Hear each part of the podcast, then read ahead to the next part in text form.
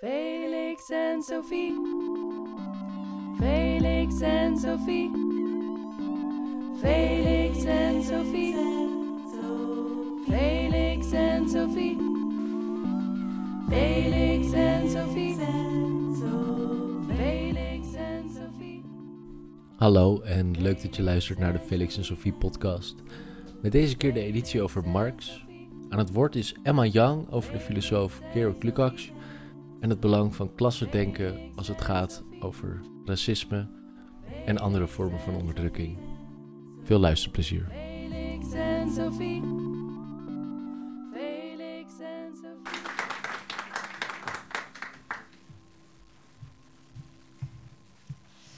Cool. Ehm, hoi iedereen. Eh, ik ben dus Emma Young. Ehm, ik zal beginnen met jullie vertellen over wie ik ben, wat ik doe en waarom. Ehm, ik woon en werk in Groningen op dit moment. Ehm, en zoals Justin al zei, is dit beter? Zo? Ja. Oké. Zoals Justin al zei, ehm, heb ik voordat ik naar Groningen verhuisde mijn bachelor in eh, Utrecht gedaan. En daar eh, begon ik met een interesse in hele theoretische filosofie, wat toen uiteindelijk eh, meer een oriëntatie op politieke vraagstukken werd. Ik denk nog belangrijker voor jullie om te begrijpen wie ik ben, eh, is dat ik, dan speel ik even open kaart, ik ben een socialist. Ehm, en dat betekent dat ik me inzet eh, voor het realiseren van een klasseloze samenleving. Ik ben ook een PhD-student, wat betekent dat ik onderzoek doe. Ehm, ik zit nu in het eerste jaar van mijn PhD. Ik ben echt net begonnen. Dus eh, dit is allemaal nog erg verkennend. Ehm, ja, en even een disclaimer voordat ik begin. Eh, normaal praat ik over deze onderwerpen altijd in het Engels. Ehm, dus ik ga mijn best doen om niet al te veel Engelse woorden in de zin te gooien. Maar ehm, nou ja, ik hoop dat het niet stoort. Ehm, ja, dus het thema van vanavond, Marx. Er is echt veel en veel te veel wat je zou kunnen zeggen over Marx. Ik denk dat Evert, als ik u zo mag noemen, al een heel groot begin heeft gemaakt met eh, een beetje uitstippelen welke eh, vraagstukken er allemaal zijn. Ehm, en ja, wat ik interessant vind is dat er dus heel veel theoretische vragen zijn over, nou ja, wat zijn Marx nou eigenlijk? Maar juist ook hele praktische discussies. En dat zie je in al die oneenigheden eh, tussen verschillende linkse organisaties bijvoorbeeld. Ehm, en ik ga het vandaag hebben over een marxistische denker die filosofisch van een groot belang is geweest en nog steeds is, denk ik. Dat is Georg Lukács. Ehm, zijn denken benadrukt het belang van het begrijpen van eh, de samenleving van kapitalisme als verdeeld in twee tegengestelde klassen, zijn de het proletariaat, oftewel de werkende klasse, en de kapitalisten, oftewel de bezittende klasse. Nou, waarom is de wereld begrijpen in termen van klassen nou zo belangrijk? Nou ja, überhaupt om de wereld te begrijpen, omdat die verdeeld is in klassen. Er zijn allemaal eh, vo- voorbeelden die je daarvan kan geven. Eh, bijvoorbeeld de vraag: eh, waarom leven er zoveel mensen in armoede terwijl er zoveel welvaart is? Terwijl er genoeg is om iedereen te voeden, gaan er mensen dood van de honger. Waarom eh, blijven we doorgaan met het vervuilen van de aarde door het gebruik van fossiele brandstoffen, terwijl we weten dat dit onomkeerbare schade aan de planeet toericht? Ehm, waarom belanden we telkens in economische crisissen, terwijl we steeds meer produceren? Dit soort tegenstellingen worden begrijpelijk ehm, wanneer je de samenleving begrijpt als verdeeld in twee verschillende klassen met tegengestelde belangen. Ehm, daarnaast, waar mijn onderzoek over gaat, is dat ook kennis, zoals het bestaat in de samenleving, ehm, beter te begrijpen is als je klassen meeneemt. Mijn onderzoek gaat eigenlijk over de vraag: welk effect hebben klassenrelaties onder kapitalisme op kennis? En ik bespreek daarvoor uh, Lukács, omdat hij een van de eerste was die hier uitgebreid over schreef, uh, met behulp van het concept van klassenbewustzijn. Um, na een intro over wat, waar Lukács, uh, Lukács eigenlijk allemaal over schreef, um, zal ik het hebben over standpoint theory, die enkele um, inzichten uit zijn theorie heeft opgepikt en uh, daarmee verder is gegaan. En daarna ga ik het hebben over een probleem dat eigenlijk voort is gekomen uit standpoint theory. En dit is ook een praktisch probleem. Daar, daar, sluit ik mee af. En dan hopelijk heb ik uh, duidelijk gemaakt uh, waarom dit een belangrijk onderwerp is waar we het over zouden moeten hebben. Dan begin ik nu met een korte intro aan Georg Lukács. Um, hij eh, leefde van 1885 tot 1971 en ehm, was, eh, leefde in Hongarije. Hij werd een Marxist door het zien van de Russische revolutie in 1917. En hij heeft een hele chaotische politieke ontwikkeling eh, doorgemaakt. Ehm, want nadat hij Marxist werd, werd hij lid van de eh, Hongaarse Communistische Partij, waarin hij een uh, Leninistische oppositie voerde tegen uh, de partijleiderschap onder leiding van Bela Koen. En dat was een hele ja, sectarische, um, wordt ook wel ultra-linkse leiderschap genoemd. En tijdens de kortdurende Hongaarse Radenrepubliek um, werd Lukács zelfs minister van Cultuur. Maar toen door uh, druk vanuit uh, ja, een soort de, de, de Stalinistische druk eigenlijk vanuit de Sovjet-Unie uh, uit die tijd, werd hij van ongeveer 1930 tot 1950 uh, werd zijn denkwerk heel Stalinistisch. En toen begon hij ook eigenlijk een soort van zelfkritiek te hebben over op zijn eerdere werk. En begon hij te zeggen: nee, dat klopt allemaal niet. En toen begon ik niet meer over politiek te schrijven en eigenlijk alleen maar over esthetiek. Um, en dan na 1956 kwam hij hier weer op terug. Zei hij, nou ja, oké, misschien zat er toch wel wat in. Um, en zo schommelde hij een beetje tussen Leninisme en Stalinisme. Um, dat vroege werk voor uh, 1930, dat wordt gezien als echt een fun als, uh, fundamentele werken voor wat westers marxisme wordt genoemd. en dit is een brede stroming eigenlijk van bijna alle uh, Marxisten in uh, Europa in de 20e eeuw, waaronder belangrijk zijn bijvoorbeeld de Frankfurter Schule en Antonio Gramsci en dat soort dingen.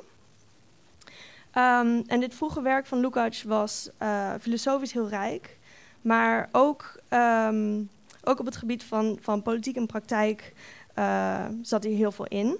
Want wat hij eigenlijk probeerde te doen, was de Leninistische politieke strategie in te bedden in een uh, marxistisch-filosofisch raamwerk. Um, en daarbij probeerde hij eigenlijk één centrale vraag te beantwoorden. Waarom, als het kapitalisme zo slecht is voor zo'n grote groep mensen, um, zijn deze mensen niet al lang in opstand gekomen en is het niet al veranderd? Um, en het antwoord van de vroege Lukács, um, voordat hij Stalinist werd, uh, was: dit heeft heel veel te maken met bewustzijn en ideologie. Um, ik zal een kort overzicht geven van Lukács' theorie in uh, zijn boek History and Class Consciousness, waarin hij ingaat op klassenbewustzijn, uh, wat klassenbewustzijn voor het proletariaat betekent. En um, hoe de ontwikkeling van klassenbewustzijn wordt tegengehouden door kapitalistische ideologie. Dus Lukács begint uh, zijn theorie met een onderscheid tussen wat hij empirisch bewustzijn en klassenbewustzijn noemt. Uh, empirisch bewustzijn dat uh, refereert naar wat de werkende klasse echt denkt. Dus wat je bijvoorbeeld met een enquête, waar je er mee achter kunnen komen wat mensen denken. Een voorbeeld hiervan is wat mensen uh, stemmen. klassenbewustzijn daarentegen is wat het proletariaat zou willen en denken als zij zichzelf zouden begrijpen als klasse. Nou, wat betekent het om jezelf te begrijpen als klasse? Um, dat betekent dat het proletariaat bewust wordt van hun rol in het productieproces. Uh, het heeft niks te maken met, met, met, culturele kenmerken. Weet je, het gaat niet om wat je ochtends op je brood eet. Uh, maar het gaat, erin, gaat, erom dat je in loondienst moet gaan om uh, te overleven. Um, loonarbeid is daarom de centrale, een, centrale relatie het kapitalisme waarin alle waarde in de samenleving wordt gecreëerd. Arbeid creëert letterlijk de samenleving. Um, maar onder het kapitalisme wordt alles dat wordt geproduceerd tot een handelswaar gemaakt. En daar had Eva het al eerder over. Um, en het feit dat iets tot handelswaar wordt gemaakt, wat er dan gebeurt, is dat het in eerste instantie een product wordt met een ruilwaarde. Oftewel waar ja, een prijs aangehangen kan worden, wat dat verruild kan worden met andere waren. En pas op de tweede plaats is het een product dat ergens specifiek voor gebruikt zou kunnen worden. En dit proces is wat Lukács reificatie noemt. Dus dat de ruilwaarde van een object vooropgesteld wordt uh, voor de gebruikswaarde. En dit is dan tevens het kernprincipe van kapitalisme als productiewijze voor Lukács. Hij zegt, dit tast alle vlakken van het leven aan. Reificatie tast alles aan. Ehm, het gebeurt dus op heel veel verschillende niveaus. Maar om een beetje een algemene definitie te geven, is reificatie het tot ding maken, tot concreet ding, materieel ding maken van een abstract concept. Het wordt ook wel verdingelijking genoemd. Ehm, en onder het kapitalisme wordt de ruilwaarde waarde van goederen dus als echt gezien, als, als het ding. Ehm, twee andere belangrijke vormen van reificatie waar Lucas het over heeft, is dat eigenlijk concepten in het algemeen, en dan abstracte concepten zoals rechtvaardigheid of vrijheid, die worden als onveranderlijke dingen uh, neergezet onder kapitalisme. Maar belangrijker nog, even net ook al zei, is dat um, het kapitalisme zelf als een soort van ahistorisch, universeel iets wordt uh, neergezet. Wat door de natuurwetten simpelweg zo moet zijn uh, en het kan niet anders. Dus kapitalisme wordt ja, als een uh, onomkombare, onomkombare realiteit neergezet. Um, en dit is echt een heel belangrijk principe van wat vaak ideologie wordt genoemd in de marxistische zin. Dat we ons geen alternatief kunnen voorstellen, omdat de hele leefwereld zo is ingericht dat de conclusie is: kapitalisme is nou eenmaal hoe het is. Uh, de, de, andere vorm die ik nog wilde benoemen, waar Lukács het over heeft van reificatie, is de reificatie van de arbeider zelf in het productieproces. Uh, de arbeider komt erachter dat die namelijk zelf een object is van het productieproces. Um, eigenlijk is het de arbeid uh, van die arbeiders leveren in hun werk, die wordt verhandeld. En het is de arbeid die de meerwaarde voor de kapitalist, de kapitalist creëert, oftewel de, de bron van, van de winst. Um, het is ook uh, de arbeid die in de kern van het productieproces staat. Dus de arbeider wordt zelf gereviseerd. Uh, je wordt in loonarbeid ten eerste behandeld als bron van arbeidskracht en misschien ooit nog als persoon, maar waarschijnlijk niet. Um, de arbeider is dus niet alleen een subject, wat ze ervaren in hun persoonlijke leven, maar ook een object. En de, deze tegenstrijdigheid voelen we telkens als we worden aangespoord bijvoorbeeld om productiever te zijn op ons werk. Um, dat voelen we ook als de lonen niet meestijgen met onze kosten. En in de weerstand die we voelen, uh, eigenlijk van alle kanten, zodra we proberen uh, hier iets tegen te doen. Um, en het cruciale aan die reificatie is dat het niet op individueel niveau gebeurt. Ja, het is waar, de arbeider wordt als individu, uh, diens arbeid wordt uitgebuit, maar belangrijker is dat het proletariaat als klasse wordt uitgebuit, als collectief. En wanneer het proletariaat dit in zou zien, dan ziet zij ook dat het in haar belang is dat de productiewijze op een heel andere manier wordt ingericht, op een radicaal andere manier. Waarin niet een klein deel van de mensheid uh, de eigenaar is van goederen, maar waar alles van iedereen is. En omdat het proletariaat uit de meerderheid van mensen bestaat en zij alle waarden in de samenleving al creëert, heeft zij en een belang bij een klasseloze en bezitloze samenleving, maar ook voor het eerst in de geschiedenis de mogelijkheid om deze te creëren. De verwezenlijking van klassenbewustzijn is volgens Lucas dan ook heel praktisch een socialistische revolutie. Nou, hoe relateert dit aan kennis? Door de ervaring van reificatie in het productieproces kan de arbeidersklasse als klasse dus klassenbewustzijn ontwikkelen. En door dit klassenbewustzijn is zij beter in staat om kapitalisme te begrijpen. Hierdoor kan zij door de kapitalistische ideologie heen kijken en de processen van loonarbeid en van reificatie en verdingelijking beter begrijpen. Um, de kapitalist daarentegen die blijft gevangen in een perspectief waarin ruilwaarde voorop staat, waarin natuurwetten alles bepalen en waarin abstracte vormen van vrijheid en gelijkheid alleen maar nagestreefd kunnen worden. Een voorbeeld dat dit misschien een beetje kan verhelderen is um, een voorbeeld van vrijheid en de arbeidsmarkt. In het kapitalisme wordt de arbeidsmarkt vaak gezien als een soort vrije markt waar werkgevers en werknemers allebei samenkomen elkaar de hand uitsteken, een contract ondertekenen en zeggen: Cool, dit gaan we nu samen doen. Um, maar vanuit het perspectief van de arbeider is het helemaal niet zo'n vrije transactie, om het zo te zeggen. Ehm, maar gebeurt dit onder een vorm van dwang? Het perspectief van de kapitalist is waarschijnlijk, nou, als je niet voor mij wil werken, ga je maar naar een andere werkgever. Je hebt de vrije keuze om eh, te werken voor wie je wil. Maar het perspectief van de arbeider is werken of sterven of verhongeren. Het proletariaat het wordt gekenmerkt doordat zij niks heeft behalve haar arbeid om te verkopen. De arbeidsmarkt is dus niet een locatie van vrije transacties, maar een van dwang. Vanuit het perspectief van de kapitalist wordt dit niet duidelijk, maar vanuit het perspectief van het proletariaat, als zij inziet dat zij bestaat als klasse, wel. Maar ja, oké, leuk verhaal. Maar het proletariaat heeft op dit moment niet zo'n heel hoog niveau van bewustzijn, uh, klassebewustzijn in Nederland in ieder geval. Um, kapitalistische ideologie die weerhoudt uh, ons daarvan. Maar door socialistische theorie te lezen, samen te organiseren, bijvoorbeeld op de werkvloer met je collega's, kunnen individuen zich wel van deze ideologie ontdoen. En daarmee kapitalisme beter leren begrijpen.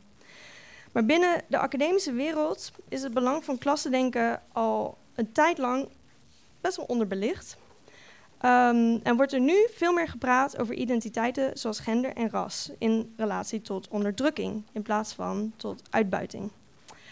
Um, dit zien we terug in uh, het veld van standpoint theory, wat nu enorm populair is uh, in uh, de academische wereld.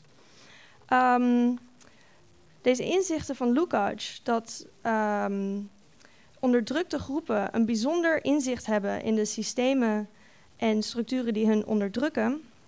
Dat inzicht is opgepakt door feministen, door black scholars en door veel meer, om op verschillende vormen van onderdrukking uh, toe te passen.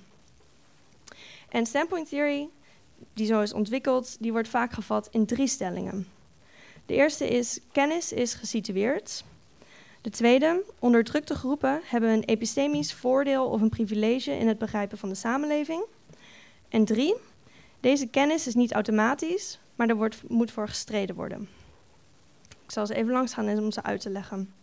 Dus de eerste stelling, kennis is gesitueerd, betekent dat kennis niet in een abstract vacuüm bestaat. Het geen universeel iets is, maar dat kennis altijd iets is van mensen op specifieke plekken in de wereld in relatie tot andere mensen. Kennis is dus altijd sociaal en bestaat niet in een vacuüm. De tweede stelling uh, is dat onderdrukte groepen dus een epistemisch voordeel of privilege hebben. Nou een voorbeeld hiervan is dus bijvoorbeeld die dat arbeidsmarktvoorbeeld wat ik net gaf. Um, een ander voorbeeld in de feministische strijd is bijvoorbeeld dat in de jaren 70 uh, het concept van seksuele intimidatie op de werkvloer werd bedacht door feministen. Hiervoor was daar niet echt een concept voor, maar er voeren vrouwen uh, heel erg vaak seksuele intimidatie. Um, en dus uh, door die ervaringen is dat concept ontwikkeld en daardoor werd uh, seksistische onderdrukking uiteindelijk beter begrepen.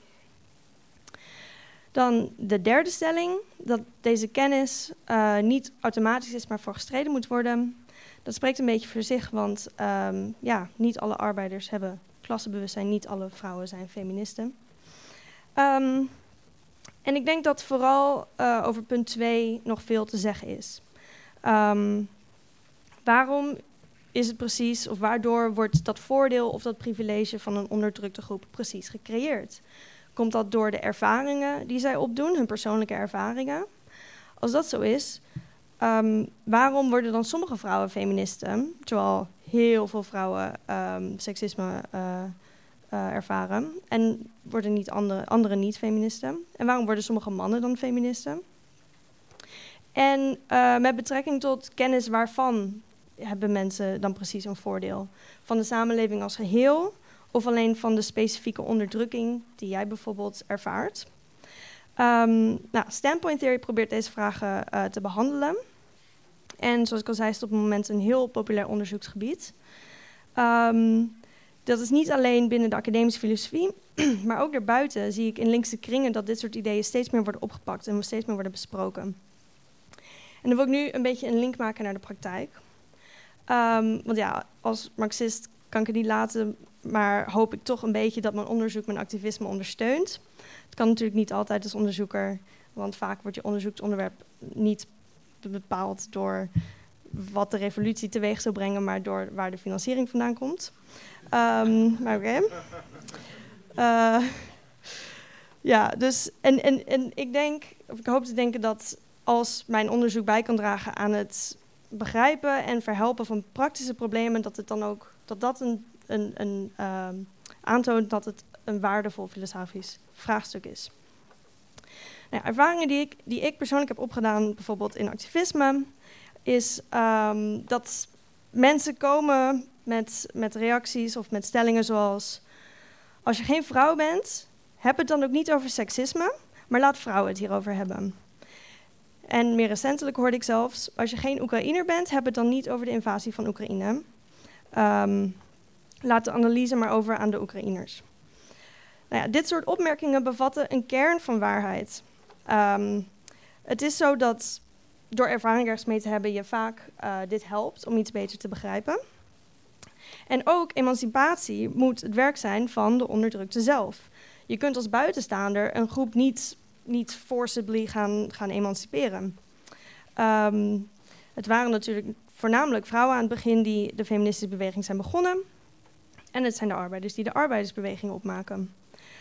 Um, nu heeft recentelijk een Amerikaanse filosoof, Olufemi Taiwo, een artikel gepubliceerd genaamd Epistemic Deference and Elite Capture.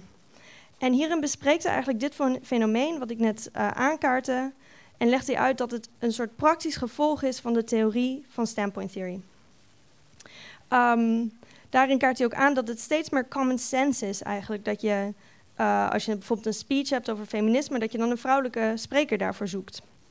Um, ja, en dit, deze praktijk of deze norm uh, heet dus deference. En ik kan dat niet heel goed vertalen eigenlijk. Het betekent iets als ja, het overdragen van kennis of autoriteit naar iemand anders om erover te spreken. En tegelijkertijd dan zelf niet ergens over te spreken. Dus deference ja, to defer to someone is vaak autoriteit aan iemand toeschrijven en uh, daarnaar handelen. Um, het voorbeeld dat Taiwo zelf geeft is dat hij bijvoorbeeld uh, dat er een conferentie was over filosofie en uh, een onderwerp dat te maken had met racisme. En dat een witte collega hem vroeg: hey, ik uh, mag een praatje geven, maar ik denk dat jij dat beter kan doen.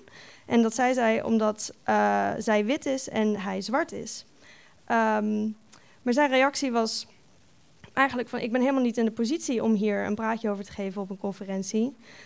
ten eerste omdat hij niet in zijn idee de relevante ervaring had gehad om over dat onderwerp te spreken, maar ook omdat hij dat, dat onderzoek en die kennis gewoon niet heeft voor die specifieke conferentie. Um, wat hij dus zegt is dat deze norm van deference dus eigenlijk leidt tot een soort doorgeefluik, waarbij de meest onderdrukte in een kamer of in een samenleving altijd mag en soms ook altijd moet spreken zonder achting voor of die persoon ook echt de relevante kennis over dat onderwerp heeft. Dit leidt tot een extreem tokenism. Um, en dat is eigenlijk ja, het, het mensen puur voor hun identiteit veronderstellen dat zij bepaalde meningen of perspectieven hebben. Um, en mensen hun identiteit is dan vervolgens ook de rechtvaardiging of de verantwoording van die perspectieven, maar niet de inhoud. Uh, dat, ja, dat is maar een beetje een bijzaak eigenlijk op dat moment. Um, ook leidt deze norm van deference tot een soort vorm van sectarisme. Bijvoorbeeld in vrouwenbewegingen waar mannen dan opeens niet meer onderdeel van mogen zijn. Um, wat volgens mij ook juist de kracht van dat soort bewegingen uh, ondermijnt. Uh, ja, terwijl al deze vormen van strijd samen juist zo cruciaal zijn voor de emancipatie van de hele mensheid. Daarom is het zo belangrijk dat juist ook mannen de feministische strijd voeren.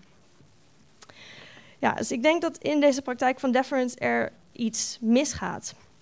Um, ja, en wat er precies uh, misgaat, is denk ik samen te vatten in het idee dat solidariteit wordt ondermijnd. Um, ja, en op een filosofisch niveau zie ik hier eigenlijk uh, twee fouten gebeuren. Um, Nou de eerste is dat s- ja, in de context van standpoint theory, dat het epistemische voordeel of de epistemische privilege van de onderdrukte, dat wordt wel behouden. Daar wordt wel recht aan gedaan. Maar het idee dat, die, eh, dat, dat bewustzijn niet automatisch is, daar wordt eigenlijk aan voorbij gegaan.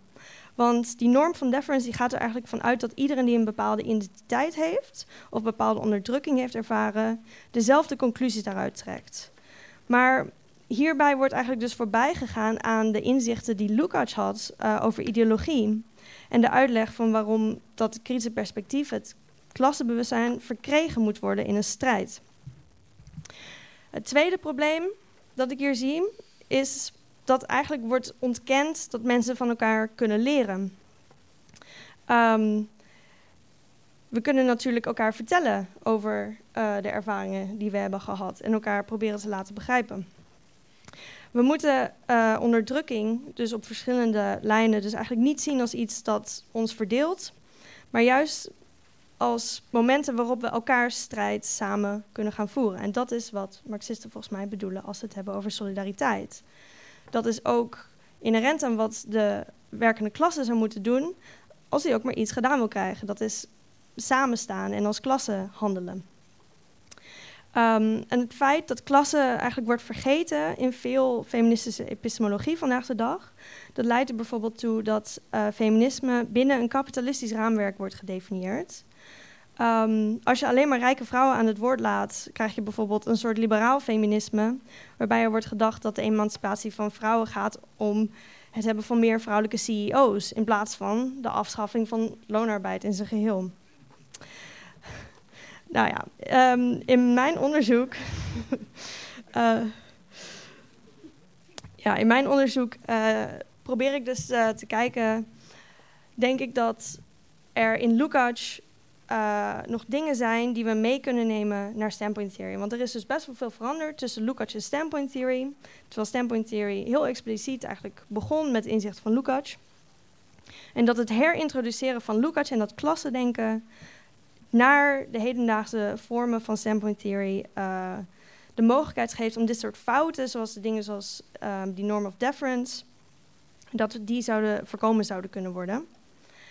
Um, ja, en ik denk dus ook dat Marxisme uh, heeft ons, of dan bedoel ik misschien links, um, nog veel te leren heeft over uh, solidariteit en de strijd tegen onderdrukking in al haar vormen.